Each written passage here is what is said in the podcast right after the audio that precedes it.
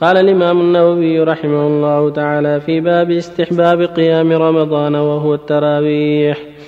وعن أبي هريرة رضي الله عنه أن رسول الله صلى الله عليه وسلم قال من قام رمضان إيمانا واحتسابا غفر له ما تقدم من ذنبه.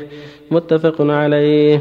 وعنه رضي الله عنه قال كان رسول الله صلى الله عليه وسلم يرغب في قيام رمضان من غير أن يأمرهم فيه بعزيمة. فيقول من قام رمضان إيمانا واحتسابا غفر له ما تقدم من ذنبه. رواه مسلم. باب فضل قيام ليلة القدر وبيان رجى لياليها. قال الله تعالى إنا أنزلناه في ليلة القدر إلى آخر السورة. وقال تعالى إنا أنزلناه في ليلة مباركة. وعن أبي هريرة رضي الله عنه عن النبي صلى الله عليه وسلم قال من قام ليلة, ليلة القدر إيمانا واحتسابا غفر له ما تقدم من ذنبه. متفق عليه. وعن ابن عمر رضي الله عنهما أن رجالا من أصحاب النبي صلى الله عليه وسلم أروا ليلة القدر في المنام في السبع الأواخر. فقال رسول الله صلى الله عليه وسلم أرى رؤياكم قد تواطأت في السبع الأواخر فمن كان متحريها فليتحرها في السبع الأواخر. متفق عليه.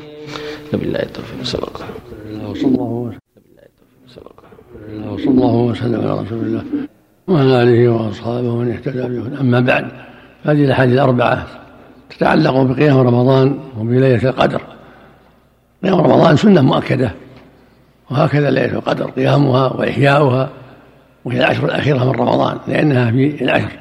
فإحياء العشر إحياء ليلة القدر. كل ذلك سنة قربة طاعة ومتأكد.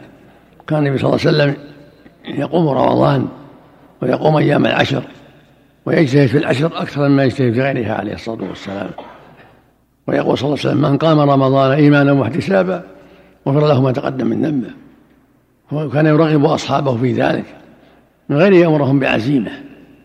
فدل ذلك على تأكد هذا القيام وأنه يستحب لأهل الإسلام أن يقوموا رمضان. وهكذا ليلة القدر يستحب لهم أن يقوموا العشر الأخيرة من رمضان ويجتهدوا في ذلك لأنها فيها. من قام العشر قام ليلة القدر والله يقول جل وعلا في هذه الليلة إنا أنزلناه في ليلة مباركة إنا كنا منذرين فيها يفرق كل أمر حكيم وهي ليلة القدر. يقول جل وعلا إنا أنزلناه في ليلة القدر. يعني القرآن وما أدراك ما ليلة القدر؟ ليلة القدر خير من ألف شهر. تنزل الملائكة والروح فيها بين ربهم من كل أمر سلام هي حتى مطلع الفجر. وهذا يدل على فضل عظيم وأن قدر التقدير يعني تقدر فيها ما تقدر فيها حوادث السنة وقيل معنى قدر الشرف يعني ليلة الشرف والفضل وكلاهما حق هي ليلة الشرف وهي ليلة يحصل فيها التقدير التقدير العامي السنوي. فيستحب لأهل الإسلام قيام العشر الأواخر من رمضان التهجد فيها والإكثار من الدعاء. ولا سيما اللهم إنك عفو تحب العفو فاعف عني كما علم النبي عائشة ذلك. قال يا رسول الله يوافق لا يتقل ما أقول فيها؟ قال قل اللهم إنك عفو تحب العفو فاعف عني. ولما اجتهدوا في غاب رمضان وكان صلى بهم ثلاث ليال صلى الله عليه وسلم وتابعها ثم قال لهم اجعلوها في بيوتكم. وأفطر صلى المرء في بيته المكتوبة.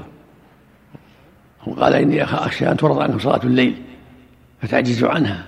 فلما توفي النبي صلى الله عليه وسلم وتوفي الصديق رضي الله عنه أقامها عمر في المساجد وأحياها في المساجد لأن الوحي قد انقطع وأمن فرضها. فيستحب لأهل الإسلام قيام هذه الليالي المباركة ليالي رمضان وليالي العشر والاحتفال بليلة القدر بالعناية بإحيائها والإكثار من الدعاء فيها والصدقات وغير هذا من وجوه الخير. ومن قام في الحديث الآخر من قامها ابتغاءها ثم وقعت له. غفر له ما تقدم من ذنبه وما تأخر. والسبع الأخيرة آكد. والأوتار آكد. ولكنها موجودة في العشر كلها. لكن الأوتار أو الآكد من غيرها. والسبع الأخيرة آكد من الثلاث الأول. ولكنها تقع تارة في أول العشر وتارة في وسطها وتارة في آخرها تتنقل. الصواب أنها تتنقل هذه الليلة في بعض السنوات كذا أو في بعض السنوات كذا. فالحزم كل الحزم أن المؤمن يحل ليالي كلها العشر. ويجتهد فيها كلها حتى يوافقها يقينا. فمن قام العشر كلها فقد أدرك ليلة القدر يقينا.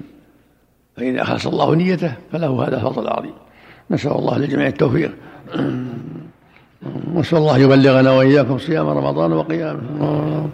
أعوذ بالله الله مثلا لو ذهب إلى مسجد بعيد عن بيته لقرب يعني الخشوع يعني ما في ما في بأس ينظر ما هو أصلح لقلبه.